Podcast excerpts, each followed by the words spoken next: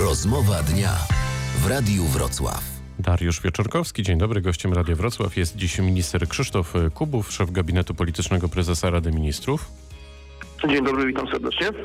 Panie ministrze, kilka dni temu Dominik Kolosz, szef Śląsko-Dąbrowskiej Solidarności w wywiadzie w RMFFM powiedział, że odprawa dla górnika, który będzie chciał odejść z zawodu, prawdopodobnie wyniesie e, mniej więcej 120 tysięcy złotych netto na głowę. E, według pana Kolorza pakiety osłon socjalnych zostały już z rządem uzgodnione. Co już faktycznie jest jasne, panie ministrze, a co wymaga dalszych rozmów? Czy ta kwota, która pojawiła się w przestrzeni medialnej, to też jest element negocjacji e, związkowców z rządem? Rzeczywiście tak jest, że w tej chwili prowadzimy jakby drugi etap rozmów ze stroną społeczną dotyczącą transformacji e, sektora górnictwa węgla kamiennego e, w Polsce. E, w wrześniu ubiegłego roku podpisaliśmy taką małą umowę ze stroną społeczną, w której zawarliśmy mm, pewne założenia do takie podwaliny do tej, do tej dużej umowy, którą w tej chwili negocjujemy, a która będzie następnie mm, procedowana, notyfikowana w Komisji Europejskiej. Dotyczy oczywiście to wygaszania e, kopalń. Data taka graniczna to jest 2049 rok. No i oczywiście te negocjacje mm, są bardzo intensywne. Właściwie w każdym tygodniu na Śląsku wraz z ministrem Soboniem, z ministrem Dziadzio spotykamy się jako przedstawiciele e, rządu e, i rozmawiamy o takim sprawiedliwym, ale też i troszkę odległym w czasie, można powiedzieć, e, wygaszaniu tych kopalń, no bo mamy na względzie po pierwsze bezpieczeństwo energetyczne państwa. Przypomnę, że, że dzisiaj w tym miksie energetycznym państwa 70% energetyki, że tak powiem kolokwialnie, stoi na węglu, e, więc e, żeby te zmiany, tą transformację przeprowadzić, to też Polska musi jakby tą lukę w tym miksie energetycznym wypełnić. Dlatego też te negocjacje, które, które w tej chwili prowadzimy, z jednej strony to jest harmonogram wygaszania poszczególnych aktywów węglowych, poszczególnych kopalń, a z drugiej strony to jest zabezpieczenie tych wszystkich pracowników, e, którzy są związani z sektorem e, górnictwa, z sektorem węgla e, kamiennego, a mianowicie takie, chociażby jest dyskusja dzisiaj o tym, czy o zapewnieniu pracy do emerytury wszystkich tych, którzy dzisiaj funkcjonują na, na terenie poszczególnych kopalń do czasu do, do 2049 roku i w tym, o czym pan redaktor wspomniał, e, też są negocjacje związane z takim pakietem socjalnym, chociażby e, z odprawami czy urlopami górniczymi. Kwota, o której pan e, przewodniczący Kolor wspomniał, rzeczywiście jest na agendzie negocjacji pomiędzy stroną społeczną a rządem. Natomiast no, czekamy na jej finał. Mam nadzieję, że to będzie w najbliższych dniach bądź no, tygodniach to już wydaje mi się, że, że te negocjacje będą zakończone, bo w mojej ocenie jesteśmy e, bardzo blisko osiągnięcia konsensusu, a, a czas nas tutaj nagli. E, potrzebujemy takiej właśnie zgody w Komisji Europejskiej, to aby słowo, tę transformację przeprowadzić. E, czyli rozumiem, że ta kwota 120 tysięcy złotych netto to jest kwota, o której faktycznie górnicy realnie mogą myśleć, jak tak wsłuchuje się w to, o czym pan powiedział, ale jednocześnie też e, trochę poczytałem e, tych opinii, mm, które, które prezentują e, górnicy. Oni tutaj też podnoszą między innymi negocjacje związane z gwarancją zatrudnienia. Oto toczy się naprawdę podobno duży spór. Uda się to mhm. przeprowadzić? W mojej ocenie uda się to przeprowadzić, bo ja mm, też zauważam mm, taki zdrowy rozsądek po, po, po, drugiej stronie. Tak, oczywiście to nie jest tak, że, że polski rząd e, chce mm, wygaszać kopalnie. Jesteśmy w jakiś sposób zobligowani, zmuszeni e, przez to, co narzuca nam w tym zakresie Unia Europejska, a, przypomnę, że do 2050 roku mamy być e, zeroemisyjni, więc ta data 2049, aby wygasić aktywa węgla kamiennego w Polsce jest taką datą e, w naszej ocenie rozsądną. I też e, strona społeczna w mojej ocenie to rozumie. To, to, to jak znam historycznie różne rozmowy, które były prowadzone pomiędzy um, stroną społeczną a rządem, to one można było ocenić, wyglądały na zupełnie innym poziomie, było bardzo dużo emocji. Dzisiaj te emocje są oczywiście, ale dzisiaj też jest no, pewne, pe, pewne zrozumienie tego, że świat idzie do przodu, że, że chociażby kwestie energetyki w Polsce i na świecie ulegają mocnej transformacji, więc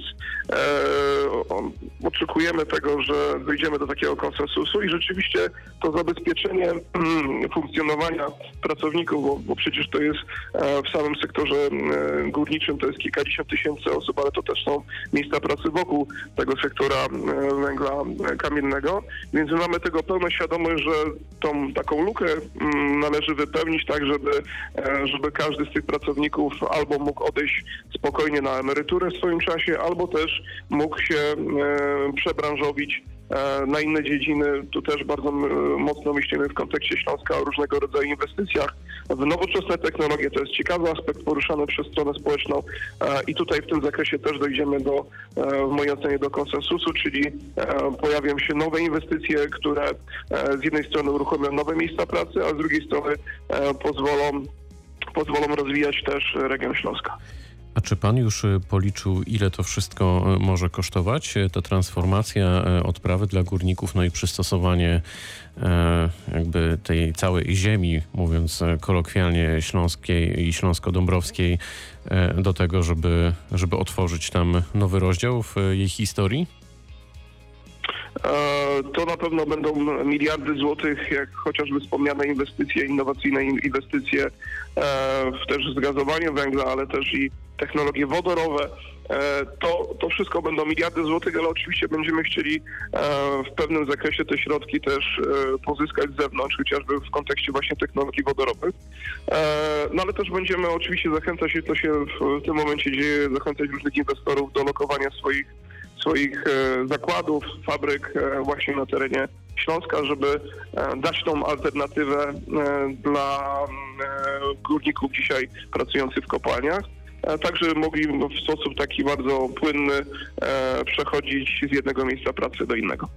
To zmieniamy e, temat. Kolejne kraje, panie ministrze, zawieszają szczepienia preparatem firmy AstraZeneca. E, czy Polska również rozważa taką możliwość? E, jeśli chodzi o, o szczepienia szczepionką AstraZeneca, to w Polsce dotychczas e, no nie stwierdziliśmy przypadków e, powikłań po tej szczepionce w tak dużej ilości, która by powodowała, że, że należałoby to przerwać, aczkolwiek rozważamy taką możliwość w kwestii podawania tego preparatu. My cały czas postępujemy zgodnie z rekomendacją Europejskiej Agencji Leków.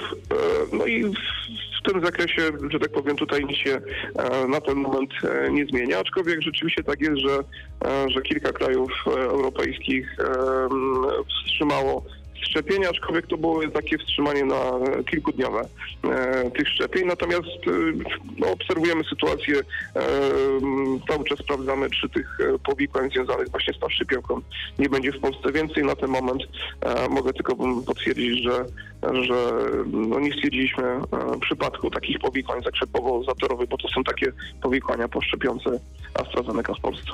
Co nas właściwie czeka w najbliższych dniach, tygodniach? Co mówią analizy, symulacje, modele matematyczne? Czy regionalizacja obostrzeń będzie kontynuowana, czy, czy rozważacie twardy lockdown jednak dla całego kraju po przekroczeniu jakiejś dobowej liczby e, przypadków? No bo wydaje się, że ta dynamika, ten wzrost zachorowań już jest naprawdę na bardzo dużym e, poziomie.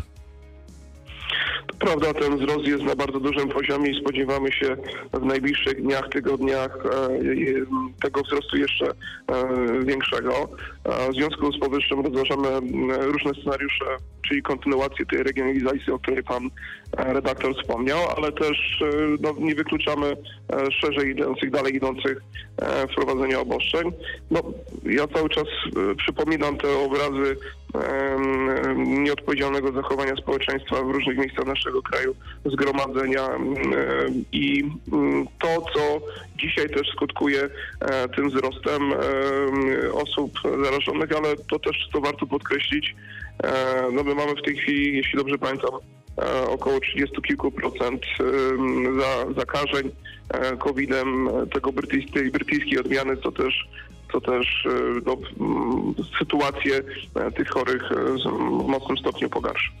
A czy dane, e, którymi rząd e, dysponuje, czy wynika z nich e, na przykład to, kiedy faktycznie ta trzecia fala będzie, będzie za nami? Czy takie symulacje też już macie? Tak jak powiedziałem, to, to, to, te symulacje, które posiadamy, ale to też różni eksperci szacują na różne terminy, to jest mniej więcej w najbliższych dwóch tygodniach może dojść do takiego apogeum, ale też i ten stan może się utrzymać nawet do połowy kwietnia. Mm, czy w takim razie e, możemy myśleć o tym, że święta wielkanocne faktycznie spędzimy zamknięci, tak jak e, jeszcze te minione święta e, w grudniu, czy, czy raczej, no właśnie, jak, jak do tego podejść, jak pan sądzi? Bo to jest no, bardzo ciężkie pytanie i różne głosy polityków się pojawiają w tej sprawie. No ja niestety nie jestem w tym zakresie optymistą, bo e, mamy połowę marca, tak jak wspomniałem, jeżeli apogeum e, tych, e, tych zakażeń, zarażeń będzie z początkiem kwietnia za dwa tygodnie, za trzy tygodnie, to nie jestem optymistą co do tego, że te święta będą już w dużym stopniu w takiej normalności.